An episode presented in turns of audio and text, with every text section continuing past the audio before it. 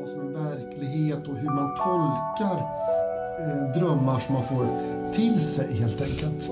Eh, det undersöker jag lite grann. Det låter ju dötråkigt. Hur fan? Nej, vad Ja, vad kul. Eh, berätta mer, Henrik. Ja, det, det kommer jag göra sen. Ja, jag återigen är jag tillbaka på 1300-talet. Tjena! Mange här. Välkomna till novellskrivarnas femtonde avsnitt. Och den här gången är temat drömmar. Ett tema som Jörgen Leidebrand står för och vi andra, Henrik Eriksson, Lotta Fagerholm och jag själv, Mange Edgarsson, ser fram emot att köra det här snacket. Så häng med! Välkomna till eh, Novellskrivarpodden. Eh, och den här gången så är temat dröm. Och det är jag som har valt temat. Eh, och när jag valde temat så, så det här är någonting som jag har varit fascinerad av väldigt länge faktiskt. Det här med, med den nattliga drömmen. Och, och det är liksom språket som, som drömmen använder sig av. Eh, som liksom inte liknar den logik vi har på dagen liksom, fast ändå är någon sorts logik i. Det är lite det här jag, jag, jag har varit ute efter. Um, vad var det mer jag skulle säga? Jag hade funderat här innan vad jag skulle säga. Mm. Nu, nu blir det lite tomt Ja. precis när jag satt där. Det är lugnt. Eh, men alltså det var inte dagdrömmen vi var ute efter. Eh, utan det är den nattliga drömmen. Eh, det, det som Freud skriver om till exempel. Eh, Mm. och där finns det oändligt många möjligheter att ta sig an det här temat. Mm. Eh, själv har jag länge försökt skriva noveller som härmar drömmen. Men eh, inte riktigt är en dröm.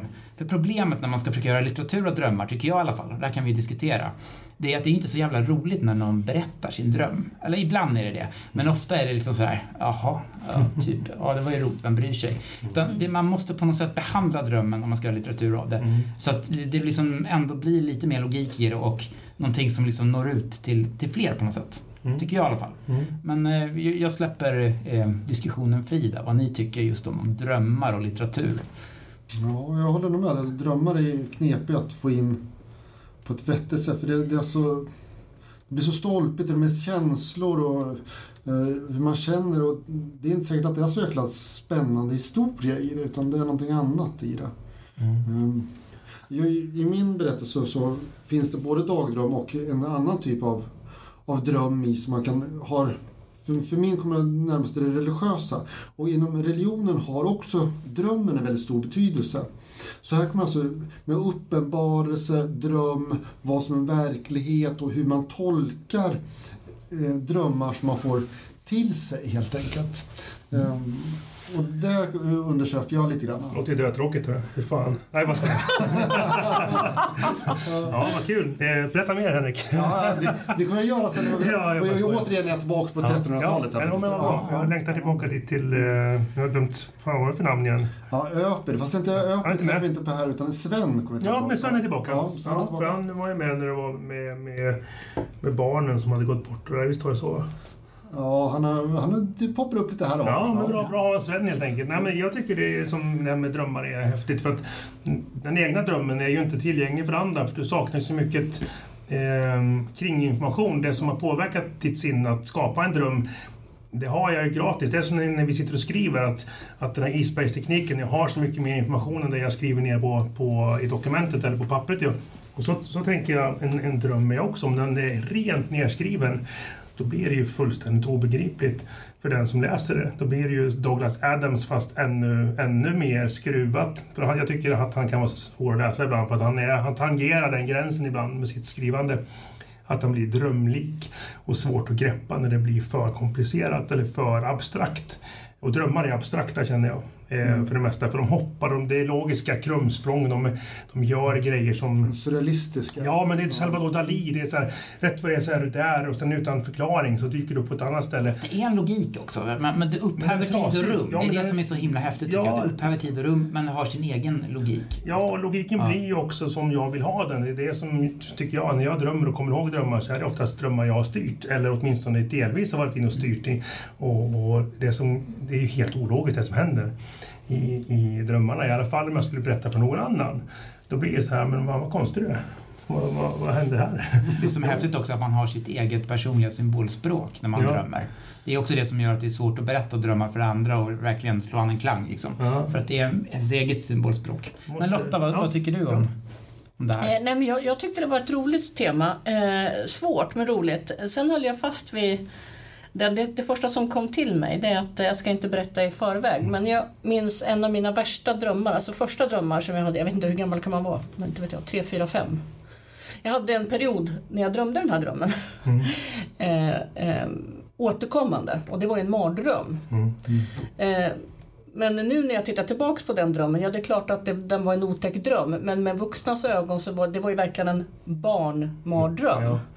Mm. Eh, men jag har ju då använt de minnena, för jag minns den här drömmen jätteväl mm. fortfarande och så har jag byggt in liksom en socialrealism Mm. Eh, liksom egentligen en verklig händelse. Eh, kanske lite kring vad som händer nu. En otäcka händelser i dagens mm. samhälle. Men drömmer du nu?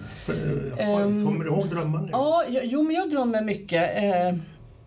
Sen, sen, kan jag i vissa perioder, eh, jag satt och funderade på det nu, men i vissa perioder drömmer jag mer än andra. Jag vet inte om det är när jag är stressad eller om jag är glad. Men vissa, jag kan inte svara på hur. Nej. Jag försöker kartlägga huvudet, jag kommer inte på. Men vissa perioder drömmer jag mer ja. och vissa gånger, perioder då, eh, kommer jag verkligen ihåg mina drömmar. Mm. Hemma då, maken, han kommer i stort sett aldrig ihåg vad han drömmer. Men jag kan vakna och verkligen gå ner och berätta en dröm. Och då kan vi sitta och prata om den och undra vad den står för. Mm. Nej, men så jag, jag, tror att jag har ett ganska rikt drömliv generellt, mm. även om det går i perioder. Och med det så tycker jag att vi, vi börjar med dig. Du, mm. du redan ja. håller på att prata. Ja, se där ja. Om det är okej? Okay. Ja, absolut. Hoppla. Eh, mm. Den var grön och hyggligt snabb. Jag kunde höra den någonstans bakom mig, hur den forsade fram genom buskar och snår i en allt högre hastighet. Jag skulle aldrig hinna undan. Min hals värkte av utmattning och jag var outhärdligt törstig. Tungan satt nästan fast i gommen. Jag försökte skrika, men jag fick inte fram ett ord över mina fnasiga och sönderspruckna läppar. Endast ett knastertorrt rosslande nådde mina öron. Den andra var röd och befann sig en bit bakom den gröna. Den var visserligen något mindre i storlek än den första och därför inte fullt så snabb. Men jag hade sett dess vassa tänder och de var långt längre och vassare än den grönas. Jag tänkte att det nog inte spelar någon roll vem som tar mig först. Om inte orken och törsten tar kål på mig så kommer de vassa tänderna att göra det. Jag hade sprungit på den här stigen tidigare och jag kände varje krök och varje skiftning i underlaget. Även med slutna ögon hade jag kunnat titta. Snart kom jag fram till den där stora gråa stenen som ligger på vänster sida. Den som har så mycket hal mossa över hela sin skrovliga yta att det omöjliggör några försök att klättra upp på den i ett försök att söka räddning. Och strax efter stenen måste jag komma ihåg att springa i mitten av stigen eftersom stigens sidor är knöliga av de trädrötter som spricker fram ur marken. Det är inte läge att snubbla nu. Hur många är inte de gånger du har försökt välja någon av de andra stigarna? Tio? Hundra? Tusen? Jag har tappat räkningen, men varje gång jag kommer till den öppna gläntan där den stora stigen delar sig i tre mindre så väljer jag alltid den vänstra, fastän jag vet att det är den sämsta vägen. Den stigen är längst, snårigast, backigast och mörkast. Jag försöker öka takten ytterligare, men jag hör hur de jagar mig där bakom. Det skymmer. Jag vet att solen sken alldeles nyss, men på den här stigen, under den här himlen, är det alltid gråmulet och jag vet att jag inte har lång tid kvar förrän det blir helt mörkt. Jag vet det eftersom jag har sprungit här förut. Herregud, ge mig något att dricka! Jag är uttorkad och jag vet att en uttorkad människa inte kan springa länge. Jag kommer att dö. Jag försöker mana på mig själv ytterligare. Snart är jag framme vid den brantaste av backarna och jag vet att det går fortare att ta sig upp för den om jag springer vid stigens ena kant eftersom jag då kan använda de tjocka grangrenarna som draghjälp uppåt. Det hindrar mig också från att halka omkull. Jag vet det eftersom jag har sprungit här förut. Jag vet också att jag inte har långt kvar när jag väl är uppe på toppen av backen kommer jag att kunna skymta stenmuren som omger huset som kommer erbjuda mig trygghet. Jag måste bara ta mig ner för backen och sedan spurta den sista flacka biten innan jag kan kravla över den där muren som är själva gränsen mellan hoppet och förtvivlan. Men jag vet också att jag innan muren måste övervinna den största skräcken av dem alla. Den gula. Jag vet det eftersom jag har sprungit här förut. Den gula besten är snabbare och större än de andra två tillsammans och dess livsfarliga käftar skrattar åt mina tafatta försök att komma undan. Det där hånflinet får nästan, att mitt, får nästan mitt hjärta att stanna av skräck. Törsten! vrålar han åt mig. Törsten kommer du aldrig undan. Den är ditt öde och ditt fördärv. Du kanske kan lura dig själv, men inte mig. Du väljer ju alltid mig och mina vänner, inte sant? Hur många gånger har du inte haft möjlighet att välja någon av de andra stigarna och rädda dig själv? Du är svag. Du är misslyckad. Ingen tror längre på dina ord och dina löften. Jag försöker protestera. Jag gör verkligen det. Men tungan vill inte röra sig där inne. Det är som om den har stelnat, som kåda. Den kladdar mot gommen, men den vill inte röra sig. Jag försöker istället intala mig att den gula har fel. Vad vet han egentligen om mig och mina omständigheter? Jag vet att om jag bara når stenmuren och lyckas kravla mig över krönet så är jag trygg. Där finns att dricka och de gröna, röda och gula bästarna kommer att försvinna. De finns ju inte på riktigt. De finns bara i just detta nu, i just denna verklighet. Den insikten ger mig en enorm adrenalinrush. Och nu är jag nästan framme. Ena benet är över stenmurens krön. Någon vrålar högt av skräck och smärta. Är det jag som skriker? Jag vrider på huvudet och ser hur den gula vargen har fått tag i mitt ben och sliter och drar för att få ner mig på marken. Alldeles snart är den gröna och röda också där. De ylar av upphetsning. Den gulas ögon stirrar på mig och jag hör hur han väser medan han sliter i mitt ben. Vad var det jag sa? Du vinner aldrig över mig.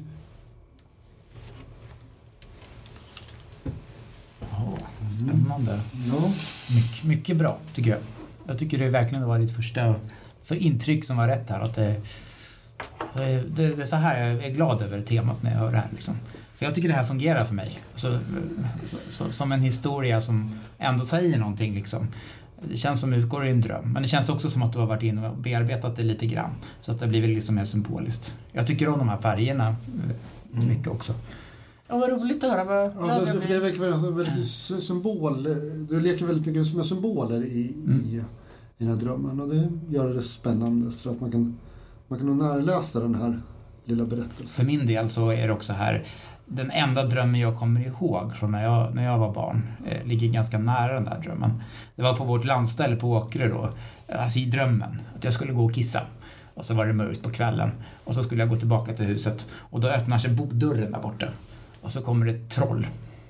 Jag ser att det är ett troll, så jag börjar springa. Jag har ju jättemycket tid på mig egentligen för trollet är ganska långsamt och, och dörren är liksom ganska nära. Så jag börjar springa sådär. Det går ju fort först. Och sen plötsligt så trampar jag luft och trollet kommer närmare och närmare och närmare och närmare. Och det slutar alltid med att trollet kommer ifatt mig och då vaknar jag. Men jag kände igen det där så mycket, den här jaga-drömmen liksom. Ja, det är en rätt vanlig dröm, den här jagdrömmen. Att, Ja. att man, som du säger, att man först ska man springa men sen så kommer man ingen vart. Man springer och springer men man står liksom... Det är också som ett in det här att inte kan prata liksom, Nej. att jag är stum. Ja. Nej, och, och faktum var att den här mardrömmen då som jag hade, det var gröna och röda och gula vargar som jagade mig. Och den här stenmuren som jag då har byggt in, alltså det är nere i Timmernabben, alltså där jag växte upp, min, min pappas barndomshem. Eh, det finns fortfarande kvar. Ehm, och jag drömde den gång efter annan. Och jag kunde drömma den sen på vintern också när vi var hemma i Nyköping. Men alltså, ja. Så jag minns den som väl. Jag var så panikslagen och jag vaknade svettig och mamma och pappa sa men det finns inga gröna och röda vargar, det är en dröm. Men varför drömmer jag den, kommer jag ihåg att jag frågade, varför drömmer jag den igen och igen då om de inte finns? För det måste ju få ett bevis för att de finns. Men så gjorde jag då en koppling, jag tänkte eftersom vi pratade om det coronatider och Systembolaget har aldrig gått bättre. Så tänkte jag så att nej men, jag kopplar ihop det med någon som försöker komma ifrån sina egna personliga demoner, drickandet liksom. Jaha. Jaha, det var inte tydligt alltså. Nej, det var det inte, men det gjorde ingenting för mig i alla fall. Att Jag fattar inte. Men det kanske, Jaha, nej, ibland ja. kan det vara så att man hör saker och så man, ibland måste man läsa för att... För tanken var ju att det här var en alkoholist då som, som är liksom inne i någon form av delirium. Som är liksom drömmer eller som är liksom panikslagen, som är törstig, som behöver få dricka mer alkohol. Liksom. Och någonstans så vet han eller hon att det är här- Ja, spriten. den här törsten. Ja. Men jag, Törsten, jag, jag ja. tänkte nog bara törst att man inte dricker vatten. Men, men, Ja, men så är det. Det är det, är det som är spännande med när det inte är helt och hållet uttalat allting. Att tolkningen lägger man över på läsaren. Eller i alla fall lyssnaren. Det var ju dumt att jag sa det. Nej. Nej, men jag tycker att det är väl en del som... Det är väl tjusningen i det. Att vi, vi läser på olika sätt eller lyssnar på olika sätt och, och hör, beroende på våra egna erfarenheter, så hör vi olika saker. Eh, jag, tänkte, jag, tänkte, jag tänkte inte ens att jag var en vuxen. Jag var fast i barnet. Ja, jag tänkte nog också att... Ja, jag var nog kanske var för att du sa det innan. Ja, ja. Ja, men det var nog för att, eh, för att du eh, tog upp det innan, lite grann, att det var en, ba- en barndröm. För att då började jag tänka, och då gjorde jag den här associa- associationen till min egen.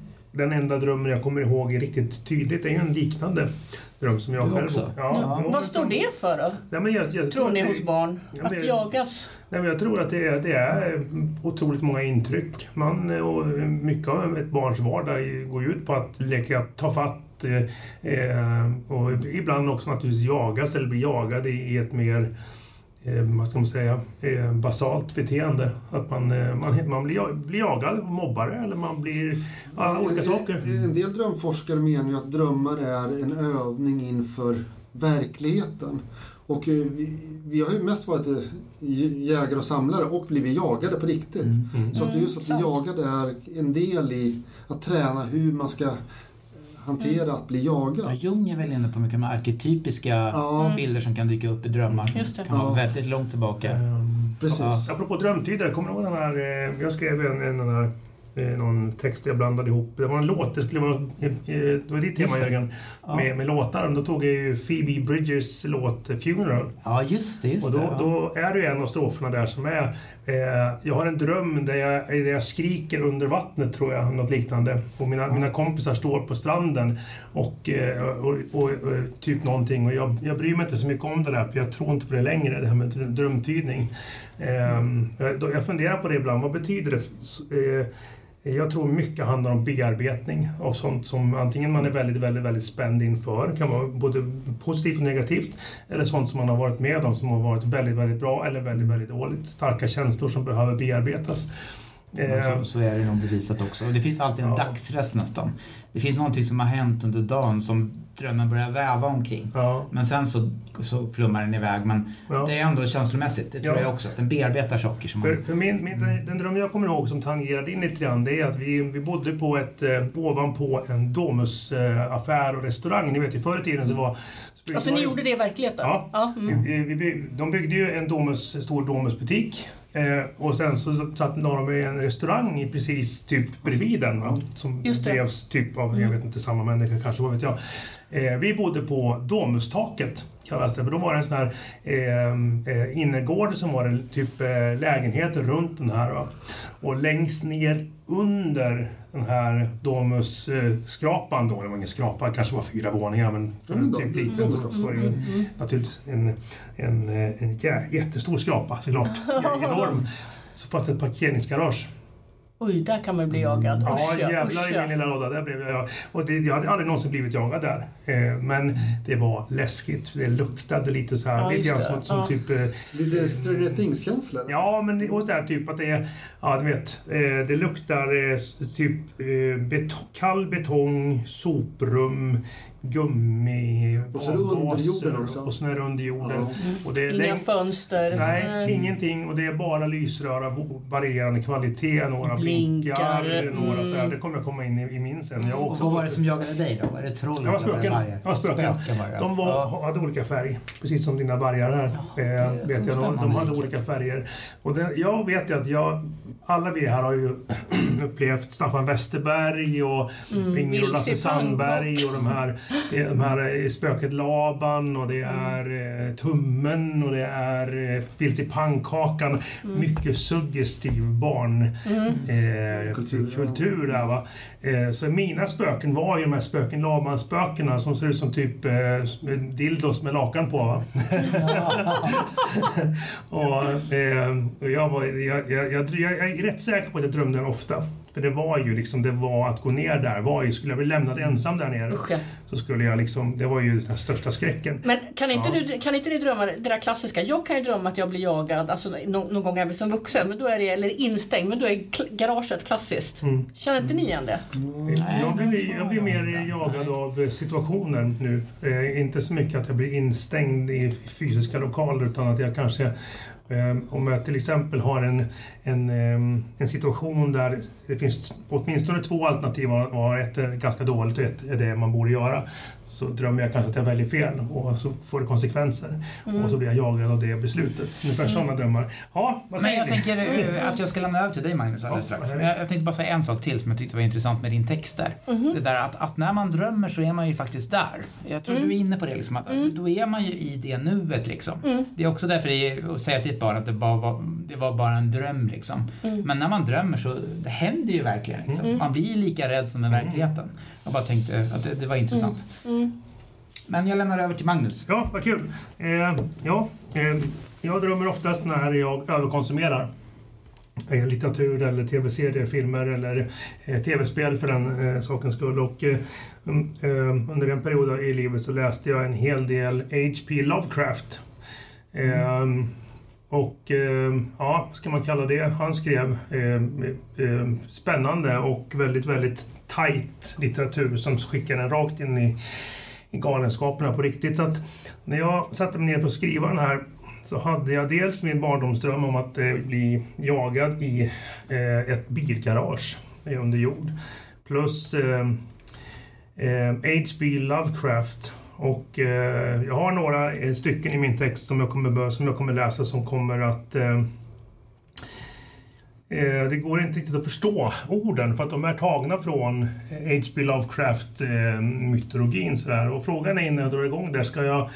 För jag har satt dem inom parentes med översättning. Ska jag köra översättningen i texten eller ska jag, ska jag ta det efter, efteråt? Jag läs det rakt upp och ner. Ja, ja. det. Precis. Eh, och min min dröm, eh, drömtext är mer skönlitterär än vad den är Det här är min självupplevda dröm. Så är min också, så. Eh, Ja. Och jag har ingen titel på den, men det kanske jag kan hitta på en sen när jag redigerar ihop det här. I alla fall. Eh, väldigt lite redigering. finns säkert en del knäppa grejer här, men vi kör. Vilken jävla vecka. Han sparkade av sig skorna och kastade kavajen över en stolsrygg. Det ekade i den stora lägenheten. Han förväntade sig inte något svar förutom ekot. Kanske borde han möblera mer ljudisolerande. En matta och några tavlor. Nej, sån skit. Neonskyltarna som hängde ovanför nattklubbarna mittemot färgade hans vardag som rosa och blått. Och musiken trängde in. Skönt, slipper köpa skivspelare, tänkte han ofta. Etablissemangen nedanför klädde in gatan i ett aldrig sinande myller av fyllon, horor, torskar, hallickar och drogförsäljare. Han gillade skådespelet. Barskåpet lockade honom. Han skulle sova, men först whisky. En stor jävel. Med skakig hand vandrade han över glasen som stod uppställda på en rad som soldater i en rysk arméparad. Fingrarna slöt sig om en sejdel och han fyllde den till bredden.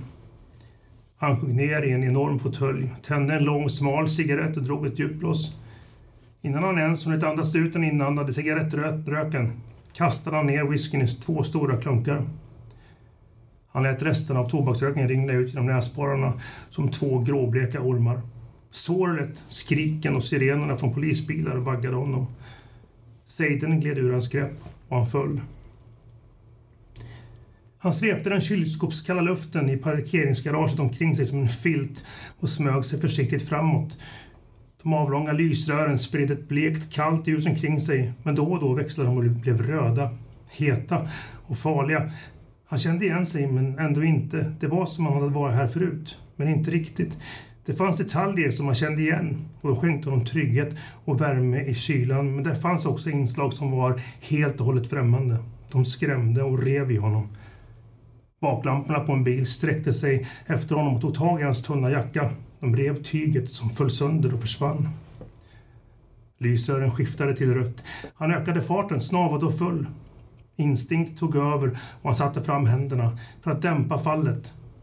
Istället för den stenhårda träffen med betongen han förväntat sig såg han sina händer och armar sjunka ner i något som till färgen såg ut som betong men som var någon slags sörja.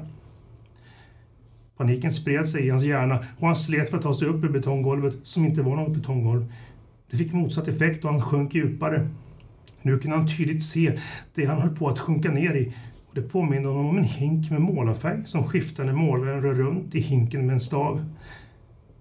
Nästippen rörde vid ytan och innan tippen sjönk ner ännu mer tänkte han det luktar tivoli.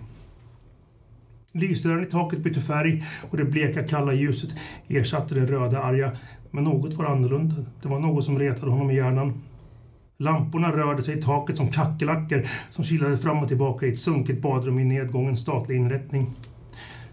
De undvek att krocka med varandra men stannade inte. Han kände sig yr men märkte att han inte längre sjönk.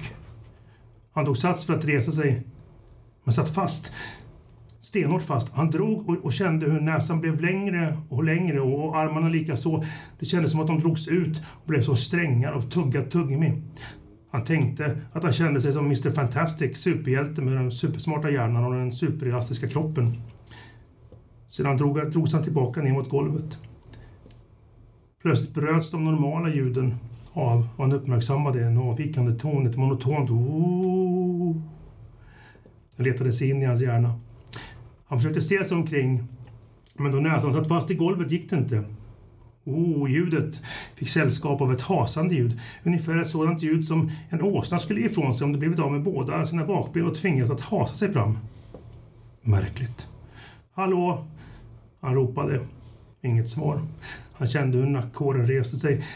Han hade inte fått något svar, men han hade hört något. Ett ord. Eller? Inte ord. Kanske, men han var inte riktigt säker. Han tyckte han kände igen några av dem. Ymg, if I am gnaf. Njala thotep, if I am gep um orre. Han vred sig så långt som han kunde för att se, för att kunna upptäcka vad det var som lät. Vad det var som skrämde honom så. Han kände hjärtat slå så hårt att det gjorde ont. Mygeloig, ymg, efanga. Han hörde tydligt. Det som lät som ord skar i hans medvetande, rev i det, lämnade det i trasor. Han öppnade ögonen och såg. Ymg, fadnk, ymg, mlafna. En märklig doft av havsvatten slog emot honom och ljuset blev rött. Så. Ah. Mm. Ja. Det var snyggt där med, med Lovecraft också. Ja. Ja, och det här kändes som början på någonting. Det kändes inte alls klart. Nej, det känns som det fortsätter. Ja, det, det, Mm. är det klart redan, Ja, kände jag? Ja, ja, ja. Eh, det, det som händer i det här är ju att eh, här har jag överkonsumerat Lovecraft. För att det som händer är att det här, de här monstren som finns i den här mytologin är så pass eh, besynnerliga och utomvärldsliga att de förstör den som drabbas av dem. Man blir, psyket förstörs på dem. Det är det som är själva grejen. Att när, när du spelar till exempel eh, Cthulhu-rollspelet som, som finns i olika tappningar så får du ju alltid slå ett sånt här sanity Eh, man slår en tärning för att se om man klarar av det man möter. Och så har man då... Slår man under sitt, sin nivå så blir man sinnessjuk och så är spelet slut.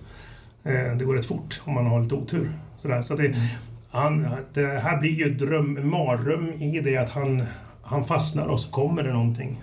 Och sen hör han de här Lovecraftiga orden och så känner igen dem. Och sen, jag, jag hade kunnat skrivit mycket mer men jag slutade för jag visste inte hur, hur, hur skulle det kunna ta slut? Och sen tänkte jag på Jörgens ord på tidigare texter att kanske du ska låta en del vara oskrivet. Jag hade några rader till här som skulle ge en lite mer av en, en stängd eh, grej. Men nu, nu hör han de här grejerna och sen så tar det slut helt enkelt. Eh, ja, men Lovecraft i överkonsumtion gjorde ju sin, sina avtryck. Sina sig till. drömmar. Ja, ja. Ehm, Det funkade väldigt bra tycker jag med, med, med Lovecraft-språket där. Eller liksom det, det Mycket bra. kom Mycket in bra. väldigt bra i din berättelse liksom att det, det blev mer skrämmande. Eller liksom Ja, Den verkligen. kombinationen funkade. Verkligen.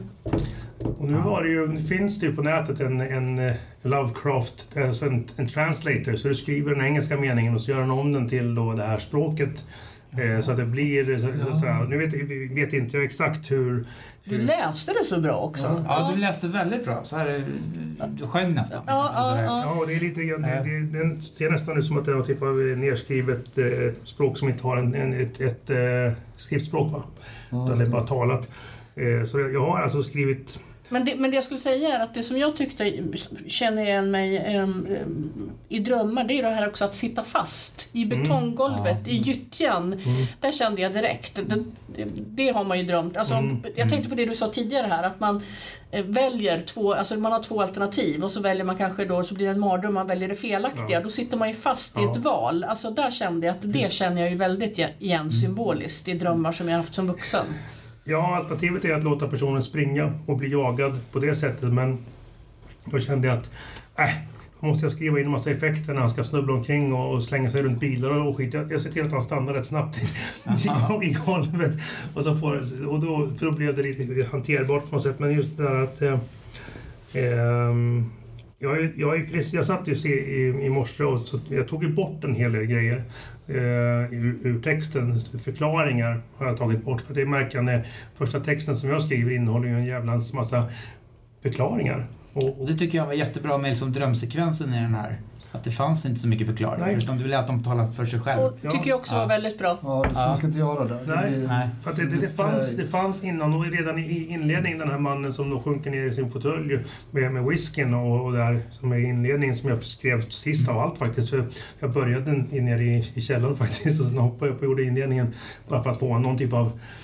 Ja, Ja, men det var en bra, eh, ett intro för att det blev liksom så här skräckromantisk stämning i början med, med liksom den här storstaden utanför och liksom horor och... mm, ja, eller, men, ja det, det kändes som att det ledde in lite mot Lovecraft-hållet redan där. Liksom, Ja. och lite Poe och så. Mm.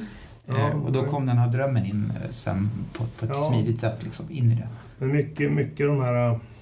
Eh, ja, det kan jag märka ibland när jag stöter på en författare som inte har gjort sitt jobb med redigeringen. Alltså, typ, jag har ett exempel Mm. som jag ska inte namnge någon, men det märks att det här har vi en, en person som faktiskt inte har lyssnat på sin, sin redaktör, eller vad det heter, utan som har gjort sin egen grej. Och så Mm. märker man att det här borde ha tagit bort, för det här, jag vill inte veta det här. Det, blir, Mm. det är en förklaring för dig själv som du inte har raderat. Typ Mm, mm. att ja, en världbyggare i en fantasyroman till exempel, jag vill inte veta vart allting ligger. Eh, få någon att rita en karta och sen om jag är sugen på att veta om, om geografin, då tittar jag på den. Jag behöver inte veta liksom östlandet, västlandet och allt det här. Skit i det. Eh, så att det var, jag satt i, i förmiddags eh, här och läste igenom och raderade en, en del grejer. Sen hade jag även ett stycke efter att ljuset blev rött där jag låter honom återvända till sitt rum med neonljuset som slår in genom fönstret. För att mer visa på att det var en, en dröm, men också låta drömmen fortsätta. Jag hade en tanke att när han sen sträcker sig efter glaset och, och, och lyfter det så skulle glaset bara förlängas. Ni vet den här känslan av att det lyfter inte, men du lyfter det. Så att det, liksom, det är som en seg Mm, just det. och sen sluta och liksom mena på att han är kvar i sin mardröm på något sätt. Han är inte alls vaken. Ja. Men jag, jag tog bort den för jag tyckte kanske att det fick vara så. Men det är också många bra, du har ett eh, häftigt symbolspråk här. Eh, som känns, eh, det skulle man kunna använda i vilken berättelse som helst. Det är, det är flera, alltså drömmiga symbolbilder. Eh, som, ja, sj- sjunka ner den här sörjan i färgen. Mm, Liksom. Man kan mm. verkligen se, man rör om i en pensel, här liksom Mm, tröga mm, röda färgen som man ser och kackerlackor och åsnan där. Och, alltså det är, det, så där kan man också använda drömmar tror jag. Genom att hämta liksom, symboler Mm. som man sen kan göra ett mer levande språk av alltså en väldigt traditionell historia också, men där man lyfter in sånt. Mm. Jag tänkte på det. Ja. Ja, det, var, ja, det var ett kul, kul tema att skriva i för att det, det var bättre än det förra där jag inte kom i land riktigt. Eh, Men jag tror att det är ditt eget fel. Ja, jag, jag, jag, tänkte, jag, jag, satt och By tänkte, the way. Ja, jag satt och tänkte på det jävla temat som jag hade. Det handlade inte så mycket om temat utan det var ju där jag var rent som person. Jag, var inte, jag hade inte ro att skriva helt enkelt. Det var nog det. För att jag hade kunnat skrivit den berättelsen igår. då hade jag liksom en, en annan sinnesstämning. Så är det ju. Eh, Så jag tror att det var det det handlade om. Inspiration och ja, Mm. läge i livet. Ja. Men ska vi... Mycket bra tycker jag, båda era. Eh, ska vi gå vidare till Henrik? Är det min tur nu då? Ja. Vi ramlar tillbaks till eh, 1300-talet, mitten av 1300-talet. Eh, Det är lite roligare, jag började skriva den här berättelsen var före jul och, och satte då 1350, 1349-1350 som är, som är pestens tid, alltså när pesten är som störst. Eh, Och sen har har vi då coronan är som är just nu. Just Eh, det. det är lite koppling. Det har ingenting med det här att göra nu kan jag säga riktigt. Men ja, för, förutom hur man då han, på mitten av 1300-talet, hur man hanterade hur sjukdom slog ut hela samhällen. Eh, hur hanterar man då? Det är nog det som jag nog kommer att undersöka lite grann här. Spännande. Mm. Ett fall upp till molnen. Under frukosten funderar Sven på om det är så att Gud har en sjuk humor och spelar spratt med människan. Och när det förra mästaren hade det faktiskt ta- taktfast droppat ner stora klara droppar rakt ner i dopfunten. Under hela mässan hade vattendropparna samlat ihop sig till att bilda en spegel i dopfunten. Hålet i taket var lagom med ytterligare en bit näver. Det är ingen stor sak, men det kändes så hopplöst. Sven vet att han har tidigare bett om mig i livet. Att han har allt det han bett om tidigare i livet. En bra position som kaplan i deras bykyrkan. Prästgården är inte stor, men börd, marken är bördig. Han har flera tegrer södersluttning. Lik förbannat får inte kroppen någon ro. Så snabbt man vänjer sig vid det man tidigare strävat mot. Gröten smakar inte. Det är inte det att han vill få sova lite till och få lugn och ro. Han har ingen som helst lust att laga taket. Mörket, ruttet, skevt och ihoplagat. Hur han än kände sig, så som kyrkan var. Att han skulle få gå igenom att, att kyrkan skulle renoveras ordentligt ser han som uteslutet. Bönderna fullt upp med att mätta sina egna magar under de goda åren och annars fullt upp med oras för hur de skulle fylla sina tomma magar under de magra åren. Sven lägger sig efter gröten, reglar om sig, breder ut sin grova mantel över och bara blundar lite innan han sätter igång med dagens arbete. Någon riktig sömn får han inte, men just den här halvslummen där han känner man själv kan styra sina drömmar. Han lät sig alltså följa med sina tidigare liv, drö- tidigare drömmar han haft, som mat, gillen och kvinnor. Det som han älskat på håll och någon han fått kyssa. kyssa. Allt känns så långt bak i tiden, avlägset och allt mer svårfångat till mig i drömmar. Även i sitt dunkla tillstånd insåg jag att det var det som var problemet. Han har inget nytt att drömma om. Livets vanliga gång var det som inte räckte till. En hädisk tanke att han, en, att han, en människa och Guds tjänare, inte var nöjd med sin lott. Han vill ha mer. Han är missnöjd med vad Gud har gett honom. Eller tvärtom. Gud har kallat honom att göra mer. Att det inte bara trava på. Tänk om man skulle få vara präst i en kyrka där det inte regnade in och där de grova timmerväggarna inte var angripna av vitt mögel. En kyrka av sten skulle stå fast tills dess att Herren vi åter visade sig på jorden. Han lät tankarna forma en vacker dröm. Han stod som byggherre med skickliga hantverkare och timmermän omkring sig som lade grunden för något nytt och vackert. Så staden skulle kunna läsa mässan. Orden skulle klinga så vackert när det studsade och ekade fram. Församlingen skulle säkert lyssna så mycket bättre. Men det är väl bara fåfänga drömmar. Sven reser sig hastigt och bestämmer sig ändå för att gå för att laga taket idag, även om han har svårt att förlika sig med kyrkobyggnaden som sådan. Nog är den vacker med utsikt över lid och äng. Det är lukten, det är själva träbjälkarna, den konstiga ornamenteringen till ingången i kyrkan och de runor som är inristat här och var längs kyrkoväggarna, nästan som tidigare besökare ristat okristliga meddelanden i. Det är inte en anständig byggnad, hur välsignad den må vara, bispen. Sven har blivit allt säkrare på att lukten är av gammalt blod och bränt kött. Sven ryser till i hela kroppen när han vandrar den korta vägen från kaplansbostaden till kyrkan och sätter den stora järnnyckeln i låset och vrider om. När han kommit till sin plats så har han inte ens funnits ett lås till kyrkan utan en enkel hasp med en stör man ställt på kyrkobyggnaden för att den skulle inte bli en glipa. Möss och råttor hade annars en förkärlek att smita in i kyrkan och bygga bo både här och där. Längs den västra väggen ligger en stege längs marken. Den är precis hög nog för om man reser den mot väggen kan man upp på taket för att inspektera den. Sven suckar. Till och med stegen är gammal och urdålig. Han kan inte tänka någon trakt som är mer bakåtsträvande och småsnål än den här. Varför ingen gjort en ny stege undrar han för sig själv. Sen kanske också själv har en tanke att kyrkan är hans ansvar. Han fnyser till och balanserar upp stegen och snart han får tid så han ska göra en ny. Han lovar det för sig själv. När Sven står där med vänsterbenet på den näst högsta stegpinnen och svingar upp högerbenet så brister steget. Hade det varit så att han med lugnt klättrat upp hade han nog hållit sig fast med armarna. Men den snabba rörelsen för med sig att han går på taket får man ju obalans och han faller handlöst. Det sägs att man ska hinna så mycket och att hela livet ska kunna passera revy när man ser döden i vitögat. Sven tänker bara ruttet trä. Inte mycket att skryta med av sina sista tankar. Nu är det ju inte hans sista tankar, även om Sven tror det. Han landar på ryggen så att luften går ur honom. Huvudet följer med som en snärt efter och träffar den hårda marken. Först är det som många blixtar från hans ögon, ett skarpt ljus som bränner. Sen blir det mörkt och han lyfter från marken. Sven svävar högt upp över kyrkan. Han vrider och vänder sig upp i luften. Upp och ner går det. Han snurrar runt i lufthavet som en svala om våren. Högt upp i luften tittar han ner. Men han ser inte längre den gamla kyrkan. Han ser en vitkalkad stenkyrka, inte alls så stor, men ack så vacker. Runt om den vita byggnaden blommar vårblomster, gullviva, snörblomma, kleja. Det är som runt den vita kyrkan att han kan tappa koncentrationen. Och han, han behöver för att flyga, så han faller. Hela kroppen virvlar ner. Den vitkalkade kyrkan försvinner ur fokus och framför dem ligger en nyckel. Men han får inte röra nyckeln. Den är stor och otymplig, men annars alldeles så lik vilken kyrkbordsnyckel som helst. Men han vet att nyckeln inte är en vanlig nyckel. Den är farlig och samtidigt ljuvlig. Han sträcker sig mot den för att ändå röra den. Nej, hör den är skarp, som lika smärta som han känner i huvudet.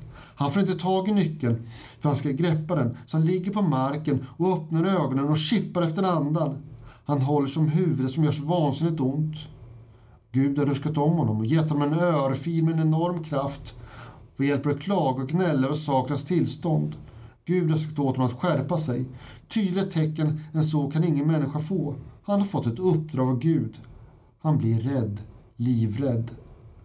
Han vill ju berätta för alla om detta, lovsjunga Gud, ära hans namn och att det ska byggas en ny kyrka till Guds högre ära på just denna plats. Han vet också hur kyrkan ser, ser ut. Han har sett det för sitt inre. Sven är dock klokare att ropa ut detta. Han inser att detta är en sak mellan honom och Gud. Sven faller ner på knä och tackar Herren. Tårarna rinner längs hans kinder. Han har ont, men är lycklig. Vad Gud har satt i rörelse kan ingen människa stå i vägen för. Mm. Halleluja! Mm. Här är också en sån klassisk mardröm eller dröm. Fallet, man faller. Mm. Mm. Liksom mellan olika världar, bland hopp och förtvivlad. Eh, eh, ja, det är också sån här klassisk som Aha, jag känner igen. Han flyger. Ja, han flyger, precis. Ja, känner jag också väl igen. Ja. Fallet. Mm. Det, är, det är så symboliskt, fallet. Mm. Ja. ja. Också intressant med, med den här dagdrömmen, eller det här mellantinget som du skriver om tidigare. Det där mm. liksom tillståndet där man inte helt har släppt greppet men ändå är på väg in i drömmens värld och lite grann kan styra. Som du också är lite inne på. Så jag har ju aldrig kunnat mm. det här lucid dreaming. Jag tycker det är mm. jättehäftigt. Men kul att, få, att du fick med det också, för det är också en typ av drömmen då, mm. fast jag sa att inte dagdröm skulle vara med så jag vet inte, det, det, där är ju ett jätteintressant tillstånd tycker jag. Det här men det... mellantinget, mellanrummet. Men han bär på ett ständigt tvivel den här Sven, tycker jag. Ja, ja. Det är ett ständigt tvivel som på olika sätt liksom kommer till honom i olika former och skepnader. Alltså för nu börjar man ändå få en liten känsla för Sven. Eh, och det är också häftigt. Men han förebådar ju redan i den här dagdrömmen drömmen på något sätt. Ja, på något sätt. Där ja. försöker ja. han själv liksom skapa en lite finare ja. kyrka och, ja, och finare liv kanske. Och sen i, i drömmen så, så blir det ännu mer så. Då ser han det ovanifrån liksom, som ett uppdrag av Gud. Och det, men det är det som du är inne på. Så man, och överkonsumerar man tankar så drömmer man dem. Jo, men jag, jag tänkte att han, han ligger på, på sin eh, lusberidna bädd och, och tänker på och vad han skulle vilja ha ja. och sen slumrar i det så blir det som lucid dreaming att du tar med dig den sista tanken du har i ditt vakna tillstånd och så väver du din dröm av det. Men det kan jag, det kan jag komma på mig själv när jag vaknar upp i en dröm att jag kan eh, snosa mig själv och, och återvända till den. Mm. Eh, liksom Men det finns ju en skam i det där, för han borde ju vara nöjd med lotten som Gud har ja. givit honom. Mm. Men, men han kämpar ja, men det är det som jag kallar någonstans tvivlet som mm. går igen. Att han, han är ju en väldigt intellektuell resonerande människa som på olika sätt eh, rider honom. Ja, och sen är det, han är också medveten om att om han säger att han har fått ett budskap av Gud det, kan, det var vanligt på 1300-talet. Mm. å ena sidan kunde man då bli ett helgon eller blev man avrättad. Ja. Det, det, var liksom de två man kunde bli galen, för att kyrkan var väldigt noga med att vem som helst fick inte säga att man fått uppenbarelse från Gud, utan det kunde vara extremt farligt. Mm. Och det är han medveten om Sven också, att ah, det här ska han kanske inte ska mm. berätta. Ja. Det var, men precis, det, det är som nu. Du får ju inte liksom ge ut vad som helst eller du får inte göra anspråk på vad som helst om det finns någon med större Kristi brud försökte i Knutby. Ja, men inte bara religiöst utan även populärkulturellt. Du, om, om någon gör världens, skriver världens bästa manus och så lämnas det in till filmbolaget och så säger man nej men det här får inte du regissera. Vi har eh, Lopesson här borta, eller vi har de här som, som ska få den här för att vi behöver ett stort namn. Men tack ska du ha för ditt inlägg. Mm, kopplat till makt. Ja, att man... Ja, vem är det som har... Hela Birgitta, hon var ju lagmansdotter och var högadlig. Mm. Ja, inte var någon bondkärring som fick åka till... Hon, kunde liksom skälla ut eh, kungen. Ja, ja, ja, ja. Mm. Men en, en enkel kaplan, han är inte ens en riktig präst utan en hjälppräst. Mm. Så han kan inte komma och komma så med budskap från Gud. Mm. En, en, spännande sak eh, som inte direkt har med drömtemat att göra, men med din historia. Eh, jag läste i DN idag, Arundhati Roy skriver om Corona mm. Eh, och kopplar det lite grann till tidigare pandemier. Att de ofta har fungerat som någon sorts portal nästan Eh, att det blir ett annat samhälle efteråt. Ja. Ganska ofta till det bättre Katalysator, också. ja. Eh, jag tänker att här har vi ju jätteintressant i din mm. historia precis. Eh, pesten och kopplingen till vår tid liksom. Ja. Och ett annat samhälle som är på väg. Så det, den, den ska du verkligen hålla fast ja, i. Den här pesten ja. kommer ju att vara katalysator till så många stora samhällsförändringar. Mm. Och jag har ju valt egentligen en helt obetydlig liten kyrka som byggdes då som ingen känner till. Sådär, va? Och en präst som ingen känner till. Jag har inte tagit... Ibland skriver man stora katedraler. Nej, jag tänkte liten, liten landsortskyrka. Vad fick det för konsekvenser? Och vad fick folk att börja bygga en kyrka? Mm. Under den största, som slog ut en tredjedel av alla människor. Mm. Ekonomisk katastrof. Mm. Sådär. Mm. Mm. Ja, ja men det är en tvära kast mellan, eh, mellan eh, med, egentligen om man tänker på, på min grund som är den här Cthulhu-mytologin mm. från Lovecraft och så vidare. Det är egentligen en eh, det är en, helt, en värld helt fri från, om jag, om jag har tolkat det rätt, det här med den kristna religionen. Det är helt andra typer av väsen i det här.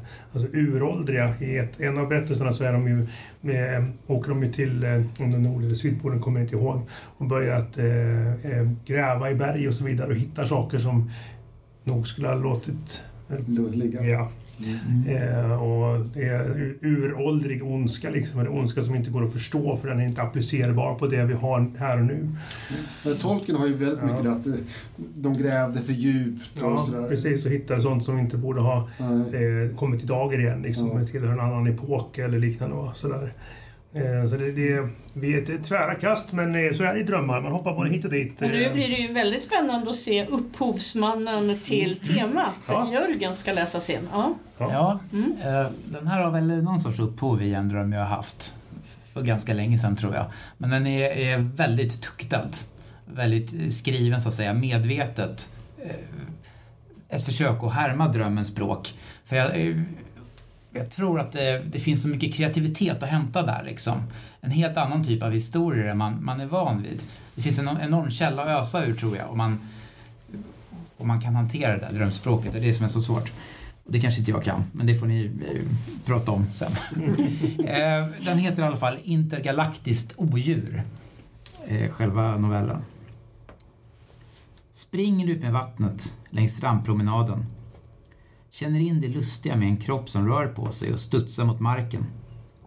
Det är sen eftermiddag och människorna håller sig inomhus. Passerar över den lilla bron och mot bostadshusen. Människorna stänger dörrar och fönster. De är nog rädda för att dö. Springer mellan husen. Fördragna gardiner och inte ett ljud. Men där, i ett kök, sitter en familj och äter. En liten flicka höjer en gaffel med en morotsbit mot munnen, stoppar upp mitt i rörelsen och vinkar med andra handen. Hej, hej, vännen. Söker hennes blick, men hennes mamma rusar fram och drar ner persiennen. Här har vi ett vägskäl. Antingen till vänster nerför backen eller till höger in mot något som liknar ett industriområde. Väljer vägen till höger. Lämnar bebyggelsen bakom. Nu blir det om möjligt ännu tystare runt omkring. Hör tydligt de egna stegen mot asfalten. Den egna anhämtningen. Här har vi något sorts fabrikshus. Smutsigt, fallfärdigt. Löv som blåser över en plan av betong. Inhägnat. Men där framme har någon klippt upp stängslet. Stegen ekar över betongplanen. Klappet i klappet i klapp. Genom hålet, längs en lerig stig och in i en kuvad skog med döda träd. Inga löv, inga barr. Bara nakna grenar, kvistar som skelettfingrar. Plötsligt står den där. En röd förfallen stuga. Men någon finns där inne. Närvaron darrar i luften. Vet att det inte är någon slump att stegen har lett hit. Stannar framför den spruckna dörren. Liksom väntar. Knackar till slut på. Försiktigt och långsamt. Först är det knäpptyst. Så tyst det bara kan vara när någon där inne har väntat länge. Släpande steg. Has, has. Dörren låses upp. Öppnas lite på glänt och i glipan tittar någon ut. En gammal människa med becksvarta solglasögon. Det är omöjligt att fånga blicken där bakom. Han öppnar dörren helt, bjuder in med en gest. Munnen är fryst i någon sorts grin. Stenhårt som utskuret i marmor. Den gamla mannen hasar mot köksbordet och sätter sig på en stol. Pekar på en annan stol. Det är bara att gå och sätta sig. Sitta mitt emot under en märklig tystnad. Den gamla mannen vänder ansiktet hitåt. Till synes utan igenkänning, utan rädsla. Det är svårt att läsa honom. Ansiktsdragen avslöjar ingenting och ögonen är helt dolda. Plötsligt, utan förvarning, snurrar den gamla mannen på sin stol. Den fortsätter att snurra. Fortare och fortare. Den borrar sig ner i golvet. Den borrar sig genom jorden. Rusar fram till hålet och ser stolen borra sig djupare och djupare ner i jordens innandöme. Ett kraftigt sug överraskar. Tappar balansen och står och balanserar vid kanten. Först verkar det som att det ska gå och kasta sig tillbaka in i rummet. Men så kommer ett nytt fruktansvärt sug där nerifrån. Störtar ner, faller genom mörker. En vindlande tunnel av svarta väggar. Långt där nere syns den gamla mannen på sin stol. Faller i samma hastighet. Kommer inte närmare, men ser honom ändå hela tiden. Faller i något som känns som en evighet. Faller kanske i tusen år. Nu närmar sig den glödande magman där nere. Den gamla mannen når den och förbränns på en sekund. Förbereder kroppen för den ohyggliga hettan. Den kommer inte. Istället blir det som mjukt och kallt runt omkring. Stannar upp och svävar fritt och tyngdlöst. Slår upp ögonen och har universum runt om. Bara mörk materia och långt, långt borta små ynkliga ljus i oändligheten. Dras rakt in i en svärm av små meteoriter. De dansar runt i någon sorts mönster. Kommer närmare och drar sig tillbaka. Närmare och drar sig tillbaka. Till slut bildar stenarna en ring och cirklar runt, runt, runt. En meteorit kommer väldigt nära. Det går att spegla sig i dess svarta yta. Ser en glimt från det som hänt en gång. Ett irrbloss som föds på en planet utan ljus. Föds med en hunger som aldrig kan mättas. Kastar sig av och an, vridningar runt den egna axeln. Attack på attack mot den osynliga väggen. Tills ingen kraft kan hålla det kvar. Stenen cirklar iväg och lämnar plats för nästa. Det första bytet. En planet, utbränd på ytan, men sjudande av liv under. Slingrande, kringlande, kryp. Att få äta sig mätt. Att för några ögonblick få stopp på det brännande begäret. I nästa sten, människorna. Ta kropp bland dem, beblanda sig med dem, bida sin tid, samla styrka i liv på liv. Se dem utvecklas och bli så starka att de försvagar sig själva, tömmer sin egen energi och lämnar strupen fri. Vänta, vänta på den rätta tiden. Nu är det som att stenarna blir oroliga. De rör sig inte längre i cirklar utan helt osymmetriskt fram och tillbaka. Plötsligt försvinner de helt, rinner iväg ut i intet och kvar finns bara oändligheten. Något dyker upp framför. Det ser först ut som ett stormpiskat hav här mitt ute i tomheten. En materia som skummar och poppar och kastar sig hit och dit i raseri. Dras ditåt i en ofattbar hastighet. Väldigt små svarta punkter dyker upp från ingenstans för att omedelbart försvinna igen.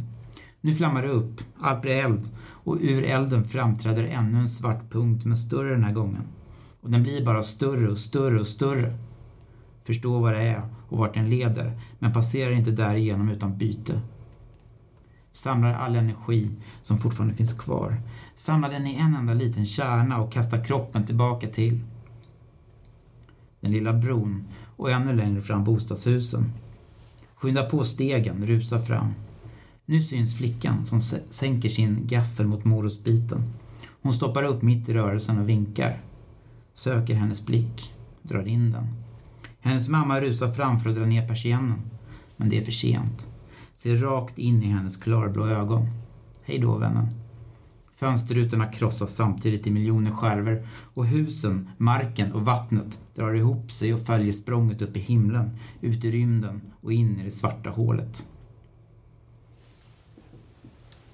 Mm. Ja, galaktiskt. Ja, verkligen galaktiskt. Och jag tänkte på stolen som sjönk igenom där ner mot magman. Alltså det som kom till mig, vi pratade om Dali förut tidigare här idag. Jag såg den här smälta klockan. Mm.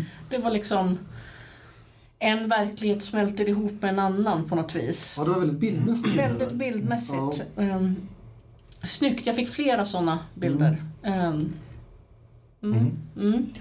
Kort, hugg, korthugget språk emellanåt.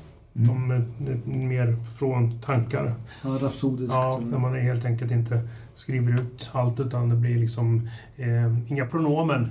Utan det, blir, det börjar med, med liksom mitt i, typ det var kallt. Eh, mm. sprang vidare. Eh, så, Precis. Så liksom. Alla jag är bortsuddade. Ja, mm. och det gör ju också att det blir lite mera eh, omedelbart. Liksom, att ja. man får nästan kliva in och ta jaget och, och försöka och, manövrera sig i det som hörs. Så det är bra, Men kräver också lite mer av lyssnaren då när man inte har så många pronomen. Alltså det är mm. ja, verkligen. Du måste, du man måste, fast. Man måste, precis. Mm. Sen gäller det att du återkopplar till tjejen med morotsbiten till slutet. Cirkeldisposition. Mm. Precis. Mm. Um, mm. Surrealistiskt. Det var verkligen... Och man kan tolka den på många olika sätt, drömmen, ja. känner jag. Uh, ja, varför, varför, eller intergalaktiskt eh, rovdjur eh, är titeln. Förstår ni varför? Eller hur tolkar ni det? Ja, det får du nog hjälpa mig med. Mm. Ja. Alltså, jag kan nog känna att det är liksom lite på, i den tiden vi lever i nu någonstans. Ja.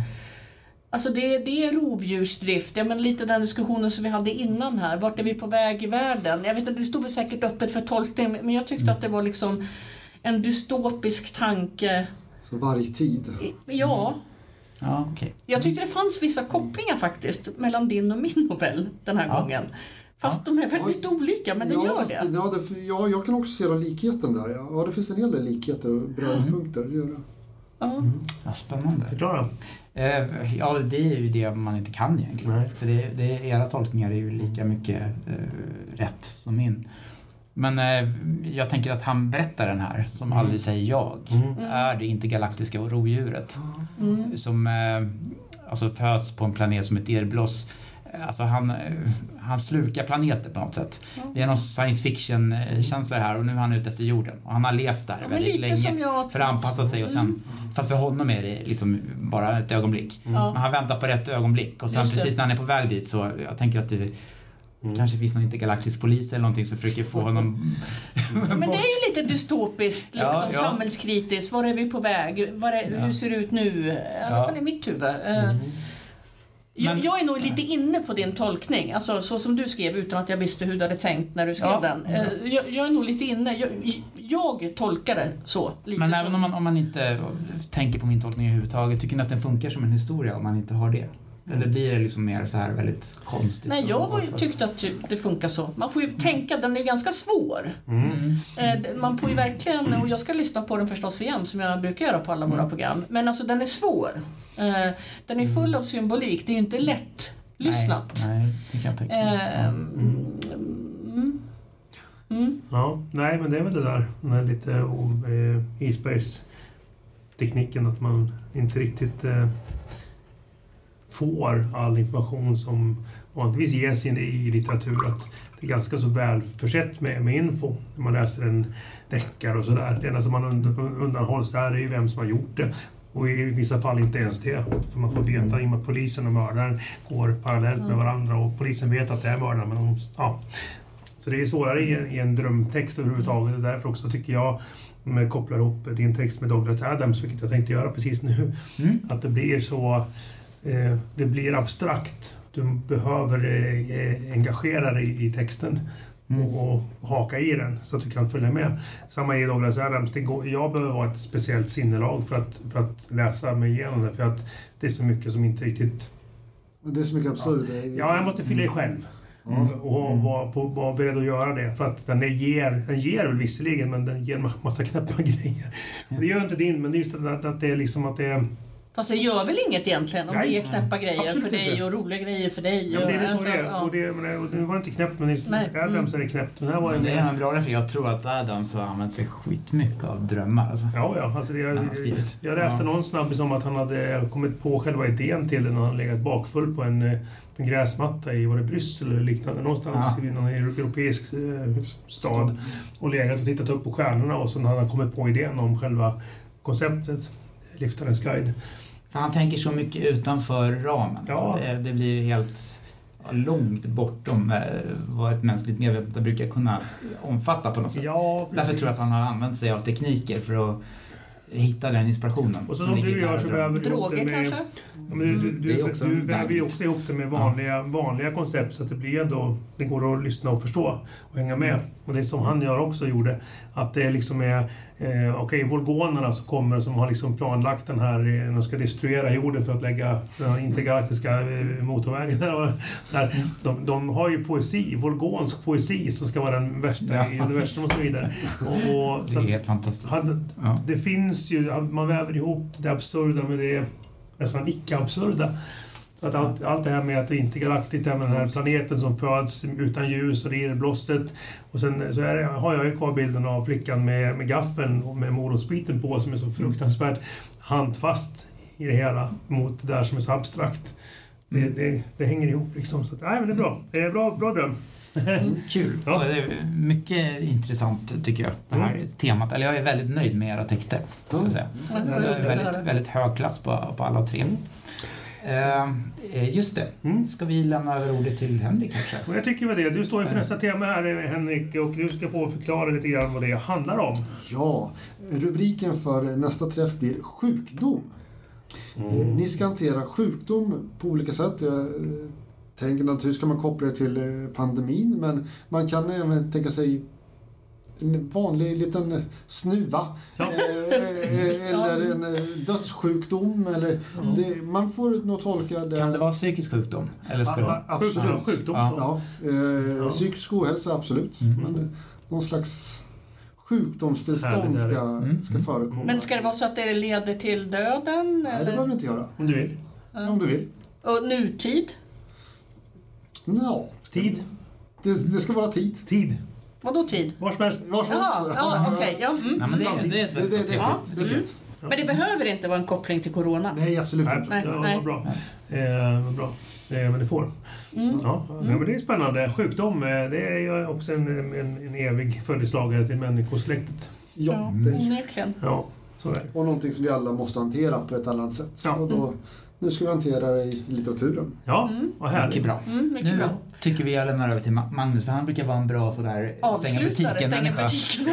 Ja, stänger butiken. Ja, men jag, Ja. jag, jag tycker att det är kul att, och tvingas att skriva om grejer som jag själv kanske inte tänker så mycket om eh, i vanliga fall. För då finns, då finns det inget, inget ok. Stäng butiken. Ja, ja. Så att, eh, men i alla fall, jag tycker att det, det var kul att lyssna på och eh, drömmar eh, kan sluta precis hur som helst. Och eh, det här avsnittet om drömmar slutar här och nu. Så vi eh, tackar för, för besöket här eh, och så hörs vi om ett tag igen. Eller hur? Ja, sov gott tills nästa gång då. Ja, ja. Tack för vargar och, och Nyarlathotep. De är farliga. Ja. Hej då!